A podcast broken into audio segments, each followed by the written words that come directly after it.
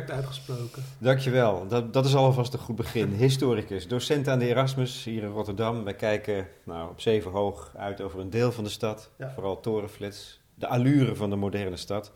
En je bent bezig met promotieonderzoek over de secularisering van de Turkse staat. In de jaren tussen de 20 en de jaren 60. Geestig genoeg staat jouw microfoon op drie boeken die het, die het wel zo'n beetje samenvatten, of niet? Eigenlijk wel, ja. Wat is het dikste boek? Het dikste boek is een, eh, is een woordenboek, eh Osmaans-Turks. Want het Osmaans dat die vroege eh, eh, republikeinen zeg maar, in Turkije, inclusief Atatürk, spraken, dat was archaïsch Turks. Hè? Ze waren opgegroeid in het Osmaanse Rijk. Dus ik moet, als ik die bronnen lees, moet ik soms dingen gaan vertalen. Want Osmaans is een heel andere taal dan Turks. Dus ik heb hier een enorm dik woordenboek liggen.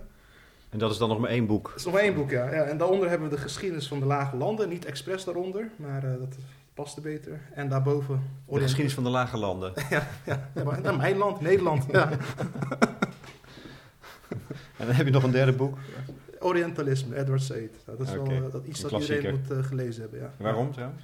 Nou ja, dit is eigenlijk eh, eind jaren 70 de doorbraak geweest als het gaat om een kritische kijk op hoe wij in het Westen het Oosten hebben bestudeerd. Het is een vrijwillig geschreven, Ja. wat mij betreft wat, wat toegankelijker gekund. Maar Said legt het echt heel goed bloot met eindeloze voorbeelden. Hoe, En, en wat is dan de kern van zijn betoog, van, van, van de visie van het Westen op het Oosten? Nou, eh, de visie van het Westen op het Oosten is grotendeels gemotiveerd, historisch gezien, eh, vanwege eh, macht, macht, zeg maar. Ja. Dat kun je trouwens nog eerder traceren dan, dan de 19e en 20e eeuw. Eh, ook als we het hebben over de transatlantische slavernij. eh, de dehumanisering van zwartheid.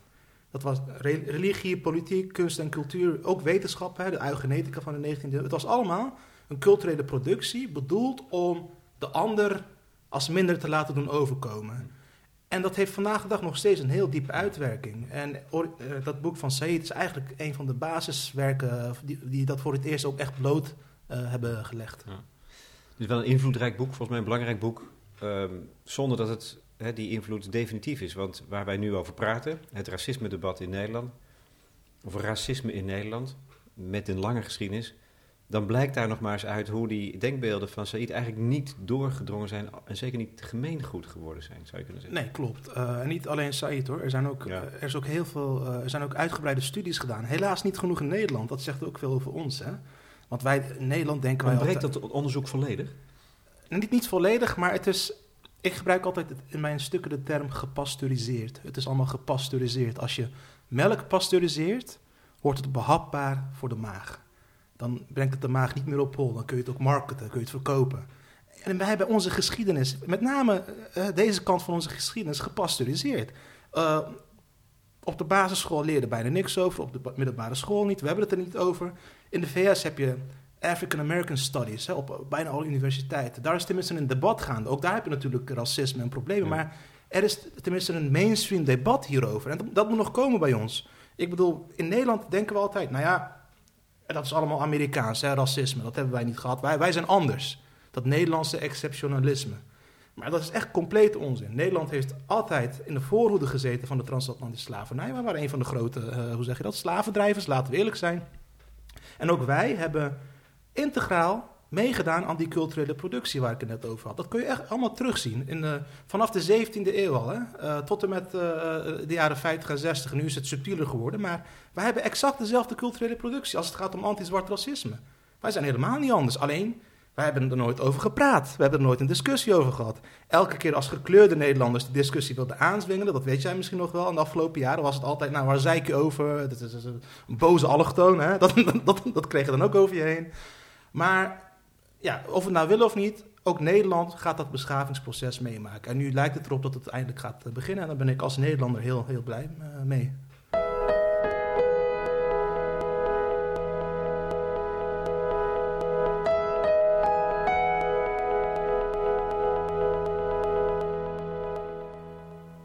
Ik, je hebt eh, verschillende stukken geschreven, twee eh, onlangs, over dat racisme, die, die, die culturele productie waarmee wij anderen ook echt als anders blijven zien. Ja. Bij- Een van mijn eerste vragen dacht ik zou zijn, ben jij boos? Eh, en is die woede iets waarmee eindelijk misschien de, de traditionele verhoudingen doorbroken kunnen worden. Is, dat, is zoiets no- nodig? Want hoe komt het dat het in Nederland nog nooit gebeurd is? Hebben wij onze woede daarover, of hebben een aantal mensen de woede daarover, die, die moet bestaan, ehm, gepasteuriseerd, om maar zo te zeggen? En is dat misschien de manier waarop het eindelijk is ehm, los kan komen? Ja, misschien wel. Kijk, ik, ik denk niet dat ik boos ben. Dat, ik begrijp wel dat mensen dat vaak denken. Nou, omdat- je, de, de toon van je stuk was behoorlijk scherp. Ja, nou oké. ja, nou, als dat boos is, dan ben, dan ben ik boos. Ja. Ja, dat is een strategie. Nee, ja, absoluut niet. Ik, ik, sterker nog, als wij een biertje gaan drinken, ben ik exact hetzelfde. Ik, ik vind het ineens...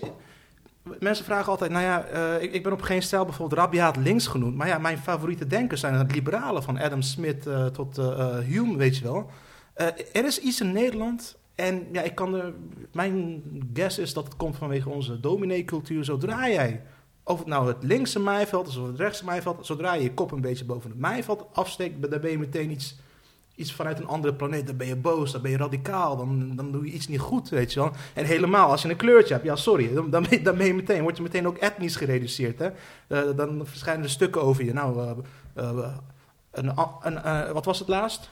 Over jou. Over mij, ja. Wat, was, wat stond er nou laatst? Een, een, een, ambitieuze allochtoon en die weet niet waar hij het over heeft. En, wat heeft mijn etnische afkomst ermee te maken? Ik heb hier een verhaal en ik documenteer mijn verhaal. Ik, ik, ik, ik ben een feitist, laat ik het zo zeggen. Ik- en de feiten zijn eh, niet, eh, hoe zeg je dat, eh, niet, niet om vrolijk van te worden. Maar om terug te komen op jouw vraag. Maar ik denk wel, inderdaad, wat we in Nederland nodig hebben, hard nodig, en het is hoog tijd, dat er inderdaad een keer een botsing komt. Dat we met elkaar het een en ander, met elkaar iets, iets gaan opschudden. Ja. Even gewoon hard met elkaar in debat, maar wel eerlijk, eerlijk met elkaar in debat. En dan pas kunnen we een beetje kijken naar wat we dan kunnen veranderen, als, als dat nodig is. Want er moet een conflict uitgevochten worden. Ja, niet zozeer conflict, Nou maar... ja, conf- conflicterende eh, wereldbeelden. Oh, dat bedoel je? Ja, nou ja, ja, ja ik zeg, ja, on- on- eh, onze Nederlandse maag moet worden opgeschud. We, we moeten eerst de zure melk drinken. Ja, even dat uh, ranzige eruit eh, via een soort van maatschappelijke diarree. En dan kunnen we verder, weet je wel. Andere landen hebben dat al lang gedaan, 50 jaar geleden al. Maar wij niet. In je stuk in de NRC ehm, doe je het wel op een dubbelzinnige manier. Je lijkt je meer kwaad... Nou ja, je, je, je- je- ja, dat mag ik dan niet zeggen. Ja, je mag alles zeggen. Nou ja, ja, dat alles mag. ik wel, dat begrijp ik wel. Zelfs Wilders mag Ehm, alles zeggen, wat mij je, betreft. je, je richt je pijlen meer op de intellectuelen dan op bijvoorbeeld volgers van Wilders. Ja. Ja. En dat is een raar soort eh dubbelzinnige. Dus je zou zeggen, racisme moet bij wie dan ook bestreden worden. Ja, Je lijkt het goed te keuren bij, eh nee, ik keur dat, nee, bij, dat is misverstand. niet-intellectuelen. Dat is het niet, ik keur het niet goed. Eh, Maar ik, daar ben je wel dubbelzinnig over in je stuk. Nou, als dat zo is, dan ben ik blij dat ik het hier nog een keer kan eh, uitleggen. Kijk, er is geen verschil tussen. En nogmaals, als ik het heb over racisme in Nederland, mensen moeten niet denken dat ik dan zeg dat mensen individueel bewuste racisten zijn. Dat we allemaal met een hakenkruis rondlopen. Dat is het niet. We hebben te- te maken met institutioneel racisme. Dat nogmaals cultureel is ingebed in onze maatschappelijke DNA. En daar moeten we vanaf. Maar als je het hebt over eh, dat tussen aanhalingstekens gepeupel dat achter Wilders aanloopt.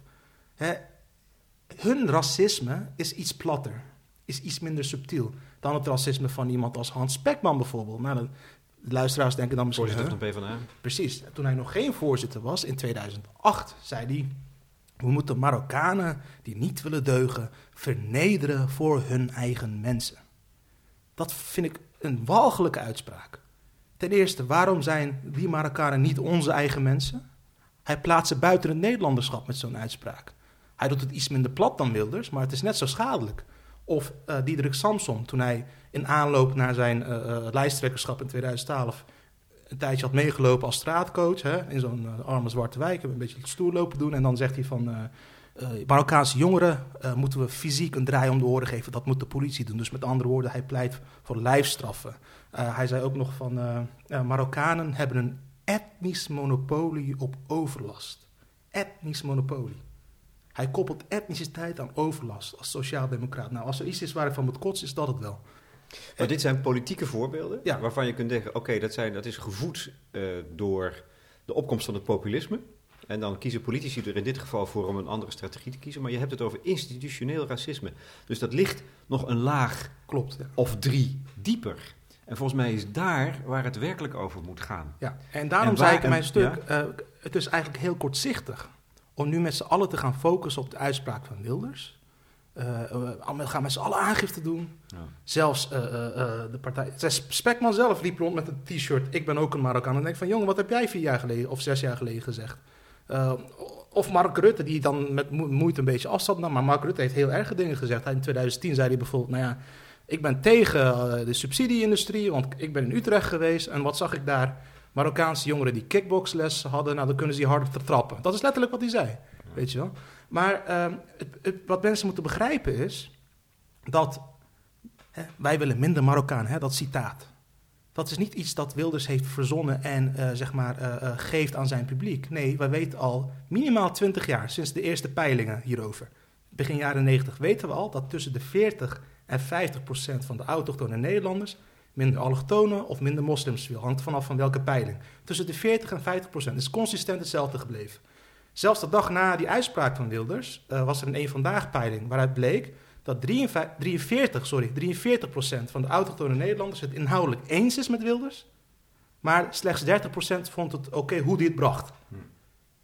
En, daar, en dat, daar ligt het probleem. Wilders uh, uh, zaait geen haat, hij oogst het. Haat dat decennia lang heeft kunnen gedijen. Je noemt het nogmaals institutioneel racisme. En dat is eigenlijk iets waarvan je het spoor zou moeten volgen van vier, vijf eeuwen, eeuwen her. Ja tot op de dag van vandaag. Kijk, ik, ik, ik, moet je toegeven dat ik mezelf er ook op betrap van uh, slavernij bijvoorbeeld. Dat is iets wat ver weg ligt.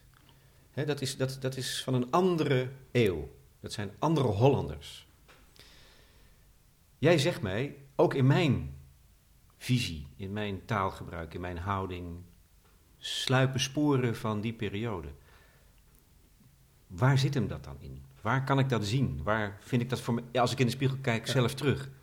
Uh, het zit in ons allemaal. Uh, en het, je hebt helemaal gelijk, het is subtiel. Kijk, dat directe, openlijke racisme. Je kunt Suske en Wiske strips lezen uit de jaren 40 en 50... waarin gewoon uh, ja, anti-zwart racisme open en bloot op tafel ligt. Ja. Maar los van het PVV-gepeupel, die hebben dat nog wel, daar, daar kunnen we op bashen. Maar in, in, in, heel Nederland zijn die sporen, die culturele sporen van vier, vijf eeuwen anti-zwart racisme nog steeds springlevend, springlevend. Ik zal één voorbeeld geven.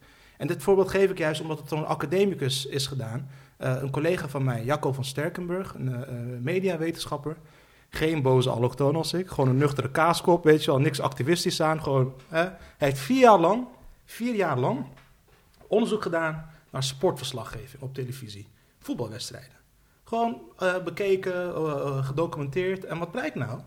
Als een zwarte atleet scoort in een voetbalwedstrijd, dan geeft de commentator fysieke verklaringen. Het ligt aan zijn spierkracht, genetische aanleg en dat soort zaken. Als een witte atleet scoort in dezelfde wedstrijd, is het strategisch inzicht, training, mentale capaciteiten. Dat komt dus niet omdat die commentator een bewuste racist is. Nee, absoluut niet maar het is zo ingebed in onze culturele DNA. En ik zeg, laten we erover praten, open en bloot. En daarom ben ik Wilders dankbaar. Dankzij hem ligt het nu op tafel. Hè? En nu is het de, uh, voor ons de taak om dat momentum aan te grijpen en dat hele brede verhaal te pakken. Maar als we alleen maar ons dood gaan staren op Wilders, dan zijn we over twee weken uh, uh, is het afgelopen. We hebben aangifte gedaan, we voelden ons beter dan het gepeupel en dan... Precies, want dan hebben we eigenlijk ons geweten gesust en ja, hoeven we ja. niet onder ogen te zien wat er werkelijk aan de hand is. Exact. Is. En da daar ben ik zo bang voor. Dit, dit, zijn, dit is een kans, laten we dat aangrijpen in plaats van uh, dan, is die gimmick, dubbel, dan is die dubbelzinnigheid die um, is dan toegelicht, of tenminste waar, waarom het is. En ik ben daar, daar ben ik wel boos over, eerlijk is eerlijk mijn academische collega's aan sommige faculteiten van dit land, en dat zijn vaak geen historici, dat zegt al genoeg wat mij betreft, hè, die dan met de meest onzinnige postmoderne relativeringen komen. Ja, oh god, ja, Marokkanen zijn geen ras, dus het is geen racisme wat, wat, uh, wat, wat Wilders doet. Islam is geen ras. Nee, het, het gaat om, uh, allemaal ingewikkelde woorden gaan ze dan gebruiken, om, om het, het R-woord maar te ontwijken. Semantiek, ja. ja ingezet is, uh, als een bufferzone. Pasteurisering.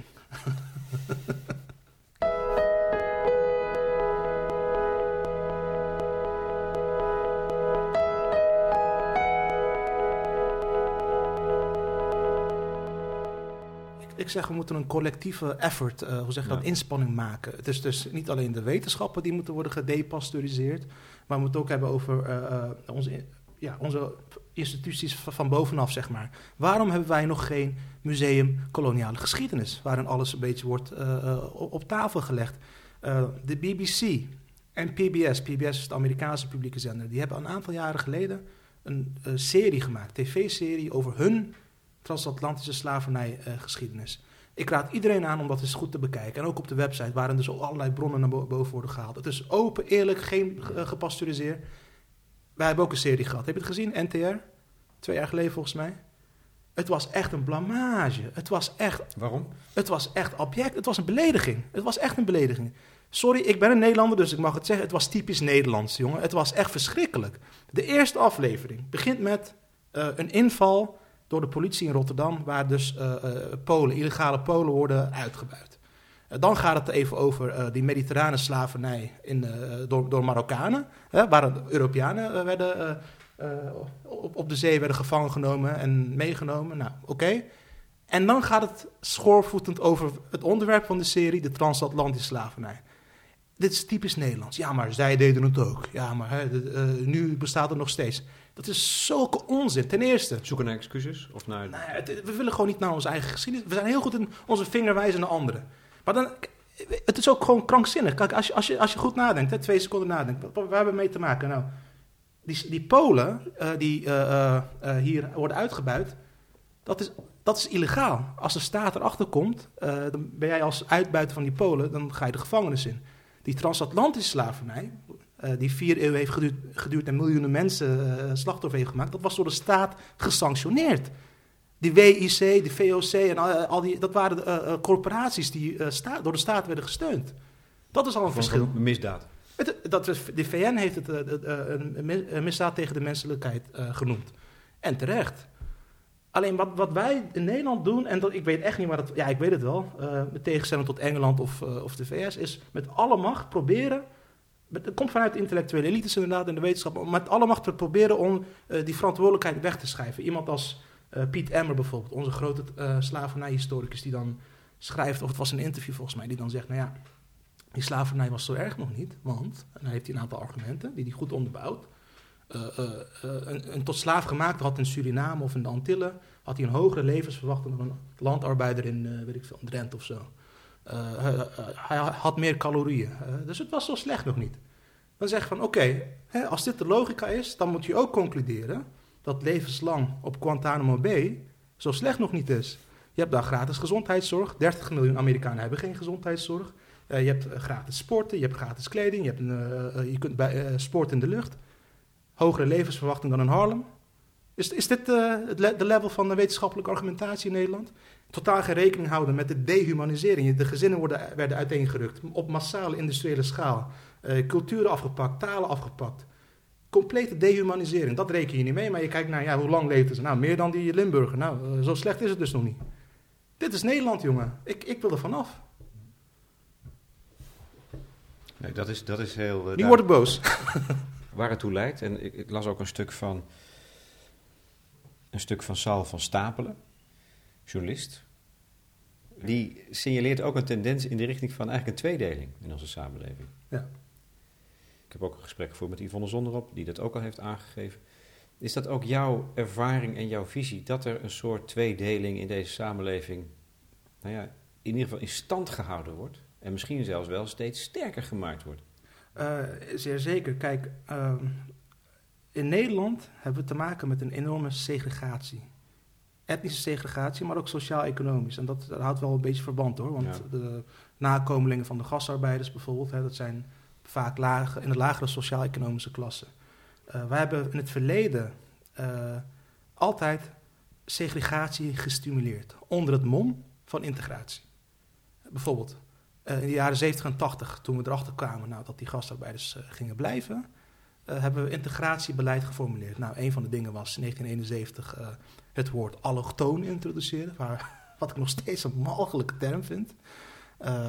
ik kwets, kwets dat als, als wij, wij gebruiken het voortdurend, altijd ja. over. Is dat iets wat jou kwetst? Je bent de, de, de kleinzoon van een gastarbeider. Ja, het kwetst mij omdat er, omdat er ook selectief mee wordt omgegaan. Kijk, officieel is die term neutraal. Hè? De officiële CBS-definitie is... als tenminste één van je ouders in het buitenland is geboren... ben je een allochtoon. Punt. Dus als ik kritiek heb op dat woord... dan krijg ik ook van onder andere van academische collega's... nou, waar heb je het over? Het is gewoon een neutrale term. Niet zeiken, weet je wel. Maar dan zeg van... ja, je hebt dus die officiële definitie... maar werkt het ook zo door uh, in, de alle, in het alledaagse gebruik? Eh, misschien heb, ik weet niet, misschien heb jij wel Duitse of Franse eh, ouders, of je ouders ergens anders Nou, geboren. moet je, dan moet je een, een, een- een anderhalve eeuw teruggaan. Eh, nou, oké, maar oké, er zijn genoeg witte Nederlanders die wel een, een ouder hebben die in het buitenland is geboren, maar als zij op straat lopen, denkt niemand dat is een allochtoon. En met andere woorden, er is een andere uitwerking. Ik heb wel eens op Pauw en Witteman gezegd om dit punt te maken. Nou, prima. Als, als er een neutrale definitie is, hè, als we dat als klinisch gaan gebruiken, dan moeten we ook zeggen: Prinses Beatrix is de grootste allochtone bijstandsmoeder van Nederland. Wat gewoon feitelijk ook klopt. Die 2 miljoen euro die ze per jaar krijgt, heet officieel ook bijstand. Maar ik kreeg zoveel haatmail en dreigmail toen ik dat zei op Pauw en Witteman. Met andere woorden, het is geen neutrale term. We kunnen wel pretenderen dat het zo is. Het, is, het ontneemt burgerschap. Het maakt jou anders. Mijn opa kwam hier 50 jaar geleden naartoe, hè? een halve eeuw. Surinaamse eh, en Antilliaanse Nederlanders zijn al 400 jaar onderdeel van Nederland. 200 jaar eerder dan Limburg. Limburg werd pas in 1813 provincie van Nederland. Waarom is Wilders geen allochtoon? Of waarom is Wilders geen migrant? Ook zo'n term. Hè? Ik word nog steeds migrant genoemd. Ook in die, al die rapporten van het Sociaal Cultureel Planbureau en zo. Maar het is in, dit, in dit geval is het dus ook taalgebruik, concreet eh, het gebruik van dit soort woorden, die die segregatie. Mentale segregatie inderdaad. Hè? In- Om, ja, in stand houden en, en versterken. Eh, segregatie is eh, ruimtelijk, maar ook mentaal. Ja. Nou, in de jaren 70 en 80 hebben we gezegd, nou, die eh nou, allochtonen gaan blijven. Nou, laten we eens integratiebeleid erop losgooien. En dat integratiebeleid is dus ook gemotiveerd door die geschiedenis van Nederland. Kijk naar hoe we katholiek hebben getolereerd in de, in de 17e en 18e eeuw. Kijk naar hoe, hoe die verzuiling tot stand is gekomen. Vanuit diezelfde culturele DNA hebben we integratiebeleid gevoerd. Met andere woorden, als jij als groep in een aparte wijk eh, van ons gescheiden blijft en we geven subsidie aan allerlei foute, nationalistische en fundamentalistische clubs uit het land van herkomst, wat ze echt hebben gedaan, nog steeds doen, dan ben je aan het integreren. Als je maar geen overlast veroorzaakt, dan ben je aan het integreren. Ik kijk naar jou vanuit mijn grachtgordel en ik vier diversiteit. Kijk eens hoe cute het allemaal niet is. Dit werd integratie genoemd. Het is fucking segregatie. En dat heeft heel schadelijke gevolgen. Onbekend maakt onbemind.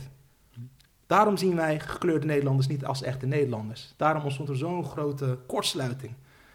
Toen eh, bijvoorbeeld onze geweldige blackface-traditie aan de kaak werd gesteld door met, met voornamelijk gekleurde Nederlanders. Wie ben jij om onze traditie eh, aan de kaak te stellen? Dan zeggen we, nee, het is ook mijn traditie. Ik mag er ook wat over zeggen, weet je wel. Eh, Men luisterde niet eens. Het was echt meteen afblijven. We hebben jou getolereerd, wat ook klopt. Want ik vind tolerantie een walgelijk co- concept. Echt walgelijk. Het is het tegenovergestelde van burgerschap. Ik wil niet getolereerd worden in mijn eigen land. Ik wil gelijkheid. Eh, maar dit, is allemaal, allemaal het product van geschiedenis. En daar moeten we een keer over praten. En iedereen die verstand heeft, die moet zeggen... ja, en we moeten er vanaf. Subtiele vormen van uitsluiting, in feite. Ja, zo subtiel is het niet eens, weet je wel. Je zou bijna zeggen, je, je werkt aan de Erasmus. Ik dacht eigenlijk, als je je zo hoort, je, bent, je komt uit de school van Willem Schinkel, die veel over dat soort processen van uitsluiting heeft geschreven. Maar dat is, dat is, je, bent, je, je zit zelfs een deur verder. Of ja, je- misschien... ben je wel een, een, een, zeg maar een, student van hem. Eh, nee, eh, maar ik, ik denk wel dat we uit dezelfde bronnen putten. Kijk, ik heb Ja. voor de rest geen leven. Ik heb geen vrouw, geen kinderen, geen hobby's. Dus wat ik de hele dag door doe, behalve mijn werk... eh, ik ga s'avonds rapporten doorspitten. Ik ga historische bronnen doorspitten. s- feiten, cijfers Je doorspitten. bent de hele dag aan het werk. Heel dag aan het werk. Eh 24-7 bijna. Eh, ik ben ook cafeïneverslaafd. Maar dat is nodig in Nederland. Want als jij, nogmaals, je kop boven, boven het mijnveld wil uitsteken... Ja. als je bepaalde fundamentele zaken wil bekritiseren... you better come up with some facts. Ja. Anderen kunnen gewoon dingen roepen. Eh, bijvoorbeeld iemand als Paul Jansen, die Telegraaf, eh, eh, wat is het, columnist... die dan van alles loopt te roepen al tien jaar lang. Ja, eh Marokkanen hebben een etnische monopolie op overlast. Kijk eens naar de criminaliteitscijfers, punt. Klaar. Maar als ik zeg nee, dat is eh, selectief, dan moet ik met feiten komen. Dan moet Ja. ik met cijfers komen. Dat betekent hard werken. En ja, mensen als Schinkel en anderen doen dat waarschijnlijk ook. Dan kom je, als je verstandig bent, tot dezelfde conclusies. eh. Hoe komt het dat jij zo leeft? Alleen met een cafeïneverslaving en 24 uur per dag studeren. Wat is dat? Goeie vraag. Nu, nu gaan we het op een Dr. Phil-stijl. Dan moet ik op die sofa gaan liggen? Dan, Nee, maar dat is toch opmerkelijk? Eh, ja, dat is een goede vraag. Ja, ik zal eerlijk zijn, ik vind het ook wel leuk. Eh, ik ben van kleins af aan, ik ben opgegroeid in een eh, arme arbeiderswijk hier in Rotterdam-Zuid. Mijn vriendjes waren aan het voetballen en ik zat in de biep. Eh, die biep, die bieps worden ook weg, wegbezuinigd tegenwoordig, hè? die eh, openbare bibliotheken. Dat vind ik ook een schandaal. Maar ik zat elke dag in de biep. Ik zat boekjes te lezen over geschiedenis en dingen, van die kinderboekjes. Ik, ik was gewoon best, best wel een nerd eigenlijk. En misschien ook nog wel. Ja, misschien is dat het. Hmm. Het was een prettige jeugd overigens hoor, daar niet van. Maar als ik er nu op terugkijk, dan zie ik heel veel illustraties en voorbeelden van het probleem waar we het over hebben. Die, met name die mentale segregatie. Een klein voorbeeld. Eh, het klinkt banaal, maar dat is het niet hoor. Ik bedoel, ik had heel veel witte vriendjes. Het was toen voornamelijk een witte arbeiderswijk. Veel armoede, maar het was sociaal cohesie. Maar als ik ruzie kreeg bijvoorbeeld met mijn vriendjes om knikkeren of wat dan ook, dan was het kut Turk, ga terug naar je eigen land. En dat soort dingen kreeg ik elke dag wel te horen. Op een gegeven moment ga je het normaal vinden. Dan denk je dat het zo hoort, weet je wel. Ehm, ja, ook op andere manieren groei je op met andersheid en je gaat het internaliseren. Wij, ik woonde in een, uh, zo'n uh, arbeidersflat, portiek met mijn ouders. En er was een jong koppel onder ons en die ging trouwen. En ze nodigden iedereen uit, behalve ons, in de flat. We hadden geen ruzie of zo met ze, het was gewoon pret. Maar het was normaal dat wij als enige niet-blanke gezin niet werden uitgenodigd. Niemand vond het raar of zo, weet je En nu denk ik erop terug en denk ik van, ja, wat is dit nou, weet je We leven toch niet in Zuid-Afrika? Ik bedoel, ja. ja. In de zekere zin dus wel. Ja, ja dat is wel... Want je, bent, je, gaat, je wil zo ver gaan dat wij in een... Postmoderne Zuid-Afrika, nee. Ja, apartheidssamenleving. Nou ja, dat zeg ik niet. Uh, dat zijn de woorden van het ministerie van Binnenlandse Zaken. Ze hebben een, uh, er was een rapport in 2009 over polarisering in uh, Nederland. En op een gegeven moment schrijven ze, want het zijn nuchtere mensen hè, daarbij die beleid maken. Nederland, ik citeer nu, Nederland heeft een de facto, dus de facto niet bij wet, maar de facto apartheidssysteem. En dan hebben ze het over die uh, gescheiden scholen, gescheiden wijken, gescheiden media ook nog eens. En het interessante is, het wordt niet verder geproblematiseerd in dat rapport. Hè? Een gegeven. het is een gegeven, ja. ja. ja.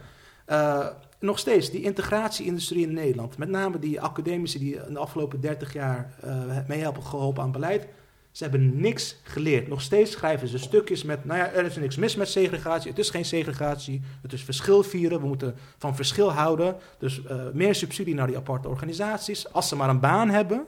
Hè? Met andere woorden, als je geen overlast veroorzaakt, ben je aan het integreren. Maar ik zeg, kijk eens goed. Marokkaanse Nederlanders zijn rap aan het integreren. Heel snel. Niemand heeft het door. Turkse Nederlanders niet. Die zijn enorm gesegregeerd. En dat blijft voorlopig ook zo. Integratie heeft te maken met binding met Nederland. Dat kan op verschillende manieren, kan op verschillende uh, sociale klassen. Het gaat om binding met Nederland. Als ik de hele dag naar een Turkse schotel kijk, in een Turkse wijk zit, uh, amper Nederlands spreek, maar wel mijn eigen uh, shawarma-zaakje heb, ben ik dan geïntegreerd? Hm. Volgens beleid wel. En volgens jou? Ja, tuurlijk niet. het is apartheid.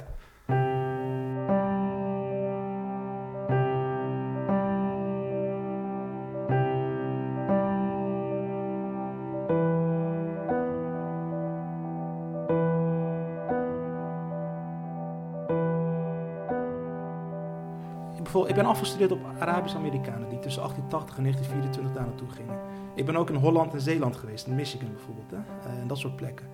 Er is een fundamenteel verschil tussen bijvoorbeeld Little Italy in New York, waar ik ook ben geweest, en al die aparte wijken in Nederland. Men ziet daar het, de Italiaanse erfgoed als erfgoed, of de Duitse of Nederlandse of wat dan ook. Maar iedereen noemt zich Amerikaan. Ik ben een Italian American, ik ben een German American, ik ben een Afro-American, noem het maar op. In Little Italy zijn er geen schotels die naar Rai Uno uh, gericht zijn. In Little Italy spreken ze geen Italiaans meer. Ze weten niet eens wie de premier van Italië is. Hier is het andersom, met name als het gaat om Turkse Nederlanders. Echt serieus. Ik kan het ook documenteren voor je als je wil. Uh, het is zonder burgerschap gegaan, met andere woorden, in Nederland. Het Nederlanderschap is exclusief gebleven. Jij als allochtoon, gastarbeiders, migrant, buitenlander bent, bent aan het integreren als je daar zit, geen overlast veroorzaakt, je eigenheid kan bewaren, niet met ons in contact komt uh, of zo min mogelijk. En als het wel zo is op een stereotype manier, kijk maar naar, kritisch op naar, naar de tv, reclames, series. Het is een en al dit, het is een en al orientalisme bijvoorbeeld. is een wezenlijk verschil. Ik wil burgerschap. Ik wil met mijn Turkse erfgoed wil ik burgerschap, Nederlanderschap. Dat betekent ook een verantwoordelijkheid voor ons zogenaamde allochtonen zelf, met name de jongere generaties. Schud die gesubsidieerde fundamentalistische club van je schouders af. Uh, zij houden je tegen. Focus je op Nederland. Je moet van onderaf burgerschap afdwingen. Zo is het ook historisch gegaan. Die kaaskoppen gaan het niet vanzelf geven. ik mag het zeggen, ik heb twee paspoorten. Ik mag het zeggen. Ja? Beschouw jij, noem jij jezelf ook Turks, in, in analogie met die Amerikanen, Turkse Nederlander? Ja, ja, ja. Toch ja. nog, want Eh, jij bent, want je, alles pleit ervoor dat jij zegt, ik ben Nederlander. Ja, ik ben Nederlander, maar als je toch, als je toch eh, wil kwalificeren, dan, dan ben ik een Turkse Nederlander. Geen Nederlandse Turk, dat is ook fout. Ja. Geen Nederlandse Marokkaan. Nee, Turkse Nederlander. Oké, en dus ook Marokkaanse Nederlander, als je het hebt Ja, over jongens die Precies. de fout in Het is niet moeilijk. Gewoon altijd Nederlanderschap eraan toevoegen. Taal is heel belangrijk. Ja. Ik heb hier echt zinloze debatten eh, over gehad. Onlangs nog met iemand van het Sociaal Cultureel Planbureau die al die integratieonderzoeken Ja. doet. Ik liet dat rapport zien. Er staat migranten. Niet de westerse migrant. Ik, zou, ik ben geen migrant meer. Hallo. Surinaamse en Antilliaanse Nederlanders zijn geen migranten meer. Begin met de taal in dat rapport. Ja, ja, ja, ja, maar ze, ze doen nog steeds hetzelfde. Niemand luistert. Wat betekent dat Turkse erfgoed voor jou? Had je bijvoorbeeld een band met je grootvader? Eh, weinig. We gingen gewoon elke zomer naar Turkije natuurlijk. Om, eh, Maar hij, kwam toch, hij was toch hier naartoe? hij is teruggegaan. Hij is een van de weinige eerste generatie gastarbeiders die is teruggegaan. Eh, Oh. Ja, ik, ik, zag, ik zag hem elke zomer, zeg maar. Ik heb voor de rest ook geen familie hier. Misschien is- heeft dat er ook aan bijgedragen. Helemaal niet? Eh, nee, Eh, een broer, eh, maar geen ooms, tantes of uitgebreide Die zijn allemaal sociale- met, met je grootouders weer teruggegaan. Nee, die waren er niet eens. Alleen mijn vader is gekomen. Dat is ook een apart verhaal trouwens. Mijn vader was een van de eerste die ging studeren in Turkije. Uit, uit mijn regio, zeg maar. platteland van Centraal Turkije. Dat was eind jaren zeventig. En ja, toen Wacht hadden, even, ik begrijp het niet, want je grootvader, Die was hier? die was hier? Ja. En, en, die, en zijn vrouw niet? Nee. Dus je grootmoeder is daar gebleven? Ja. Ah, Eh, maar mijn vader ging dus studeren. Maar, eh, literatuurwetenschappen notabene. Maar eind jaren zeventig was er een groot politiek probleem in Turkije. Het was een halve burgeroorlog. Er werden dagelijks tientallen mensen doodgeschoten. Zijn neef werd doodgeschoten. Die was een linkse activist. En ja, toen zei mijn opa, die bleef natuurlijk de simpele Anatolische boer... die dat studeren toch al niet zag, zag zitten. Die zei van, jongen, wees een echte vent en kom naar Nederland, ga werken. Toen heeft mijn vader een paar jaar in een fabriek eh, gewerkt. Eh, nou, toen kwam hij niet aan zijn intellectuele trek. Toen is hij een HBO-studie eh, gaan doen. En in, de tussentijd heeft hij ook hoe zeg dat, gezinshereniging gedaan. Ik was twee jaar toen ik naar Nederland kwam. Ik ben hier niet geboren. Dat is ook totaal irrelevant trouwens, of je hier bent geboren, wat mij betreft. Maar dit is een beetje een aparte geschiedenis. Half gastarbeider, half politieke vluchteling. Een beetje mixed eh, Ja, ja. door elkaar. en toch is de vraag natuurlijk, wat, be- wat betekent dat Turkse erfgoed voor jou? Ja, dat is een goede vraag. Kijk, eh, het, is, het is erfgoed in de zin van, nou ik, ik, ik volg Turkije met interesse. Eh, m- meer dan normale interesse. Ik volg ook andere landen hoor, waar ik me zorgen om maak. Eh, maar bij, in Turkije voel ik toch een wat meer een verantwoordelijkheid, zeg maar. Ik was bijvoorbeeld een van de weinigen die de protesten van afgelopen zomer had voorspeld. Niet omdat ik een profeet ben, maar ik ben een objectieve eh, wetenschapper.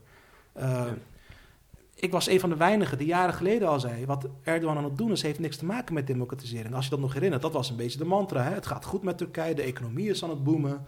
Het is geweldig. Ik zei nee, kijk eens naar de, de feiten. Eh, er is een enorm grote cre- credit, creditcardbubbel in eh, Turkije. Eh, het is een zeepbel, die economie. Ten tweede, Turkije is nog steeds koploper in de wereld... als het gaat om vervolgen van journalisten. Dat was in de jaren negentig al, nu nog steeds. Eh, het is een heeft niks met echte democratie te maken, maar dat mocht je ook niet zeggen. Want het was een beetje de mantra, tot deze zomer. toen, eh, toen brak het los. Toen barstte de bom. Ja, eh, dus ja, erfgoed. Ja, ik bedoel, ik, ja, ik heb, kijk, ik kan het je laten zien. De koelkast gaat nu open. Ik heb wel een flesje rakkie hier. eh, dat, Wil je een slok? nou, het is, dat is bij te, te vroeg nog. Dat zie je niet. Dus ja, misschien dat soort dingen. Maar ja, ja ik, ik heb geen schotel bijvoorbeeld. Dat interesseert me niet. Het is gewoon, ja, ik ben geïnteresseerd in Nederland. Ik ben Ja, maar geïnteresseerd je in de wereld. studeert notabene Ja, nou ja, Turkse geschiedenis Ja, en dan de fase van de secularisering. precies. Ja, Maar maar is dat ook, waar, hè, waar, waar, van waar die keuze dan? Het is geen, dat is ook wel grappig dat je dat vraagt. Nou ja, ik hoop niet dat mijn eh, werkgevers boos zijn, want ik ben ze wel dankbaar voor het feit dat ik dit kan doen. Maar ik wilde eigenlijk, ik ben afgestudeerd op Amerikaanse migratie en integratiegeschiedenis. Ik heb een jaar in Michigan gezeten voor onderzoek tijdens de masterfase. Ik kwam terug, ik heb altijd al de ambitie gehad om te promoveren. En ik wilde promoveren op dit onderwerp, eh, met name eh, als volgt. Ik wilde dus de, Amerikaanse situatie vergelijken met de Nederlandse situatie. Ja. Er zijn parallellen te trekken. Hè? Die grote eh, industriële migratie. Gast, het waren ook gastarbeiders, wist je dat? Die Ita- Italianen, Ieren enzovoorts. Ze schreven brieven naar huis. Ik kom over een paar jaar weer terug, maar ze bleven. Tussen 1880 ongeveer en eh, Precies 1924. zoals Marokkaanse Exact, en, en. Turkse Alleen daar zijn ze binnen twee à drie generaties geassimileerd. En dat ging niet zonder slag of stoot. En ik wilde daar een comparatieve eh, onderzoek naar doen. Ik had, een, vond ik zelf, een heel goed voorstel geschreven. Eh, bij het MWO. Uh, ik ben tot de laatste ronde gekomen. En ja, ik hoop niet dat de mensen boos zullen zijn, maar ik ben door één iemand geblokkeerd uit de commissie. Uh, Hoe weet je dat? Ja, dat, dat weet ik. Dat heb ik. Achteraf heb ik van iemand anders die daarbij was uh, gehoord. En dat was ook de enige die trouwens die uit de geesteswetenschappen kwam. De rest waren, de andere er was een wiskundige, een politicoloog, uh, een arts volgens mij. Die vond het allemaal geweldig. Maar de enige die op integratie zat, een hoogleraar op integratie, die zei: Nee, dat kan niet. Amerika is compleet anders. We hebben daar niks mee te maken. Dit is onzin. Ik mocht niet promoveren op dat onderwerp. Mijn ambitie bleef. Ik, heb, ben toen andere dingen gaan doen. En een paar jaar later werd ik uh, gebeld door uh, uh, professor Douwes, die mij ook had begeleid tijdens de master. Die zei: van ja, we hebben nu een plek voor iemand die iets over de Turkse geschiedenis gaat doen, over die periode als je wil, ben je welkom. Je, je, kunt de taal lezen, je, kunt de bronnen lezen. En ja, ik ben er ook wel in geïnteresseerd natuurlijk, vanwege erfgoed. En ik dacht, nou ja, ik ben nu al eind 20. Het is nu of nooit, weet je. Als je wilt promoveren, is dit je kans. En ik ben het gaan doen. En ik vind het superleuk hoor, begrijp me niet verkeerd. Het is super interessant allemaal. Wat was dus niet mijn eerste keus. Ja, eh, ik, ik, ja, dat is in de, in, in de context van het gesprek dat Ja. wij nu hebben, Ja. is dat wel een, een navrant detail. Exact, exact.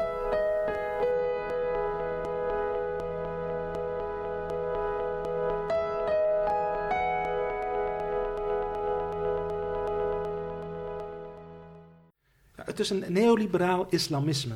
Zo, zo beschrijf ik het ook, wat er in Turkije gebeurt. Eh, privatiseren van staatsbedrijven, eh, de vastgoedsector. Die vriendjes van Erdogan in de vastgoed, die zijn superrijk geworden. Met al die shoppingmalls die ze aan het bouwen zijn. Al die moskeeën. Op elke hoek is er een moskee en een shoppingmall. Dus je gaat bidden, bidden, bidden, niet nadenken en consumeren, consumeren, Kopen, consumeren. kopen, kopen, ja, dat, dat de Amerikaanse modellen, waar Amerika is ook een heel fundamentalistisch land. Ja. Het, woord fundamentalisme komt uit Amerika, dat, dat, dat zijn we lang vergeten, maar daar komt het vandaan. Hè? De, fundamentals, dat waren die dertien pamfletten die in de jaren tien eh, werden uitgebracht door fundamentalistische christenen. Daar komt het woord vandaan. Van ja, we moeten af van eh, al die eh, nieuwe wetenschappen, we moeten terug, naar de Bijbel, weet je wel. In Turkije is hetzelfde aan de hand. En Europa en de VS vonden het geweldig. Want nou, als je een staatsbedrijf privatiseert, als je een enorme creditcardbubbel organiseert. in het afgelopen tien jaar is het aantal mensen in Turkije dat een creditcard heeft iets met iets van 500% omhoog gegaan. Dat vinden ze geweldig. Het maakt niet uit of je, of je vrijheden hebt of niet. Ja. Zini, achter jou, achter jou hangt een affiche waar ik af en toe ook naar zit te kijken. Lovely day for a Guinness. een grote, wat is het, een kakatoe met een biertje, ja, biertje op zijn snavel. Ja. Misschien is het een lovely day voor eh, een raki. Vind ik wel, ja. Ik, eh, wil je? Ja? een slokje. Ja, dan een slokje. Kijk, daar komt. Lex Bolmeijer in gesprek met Zini Eusdiel voor De Correspondent.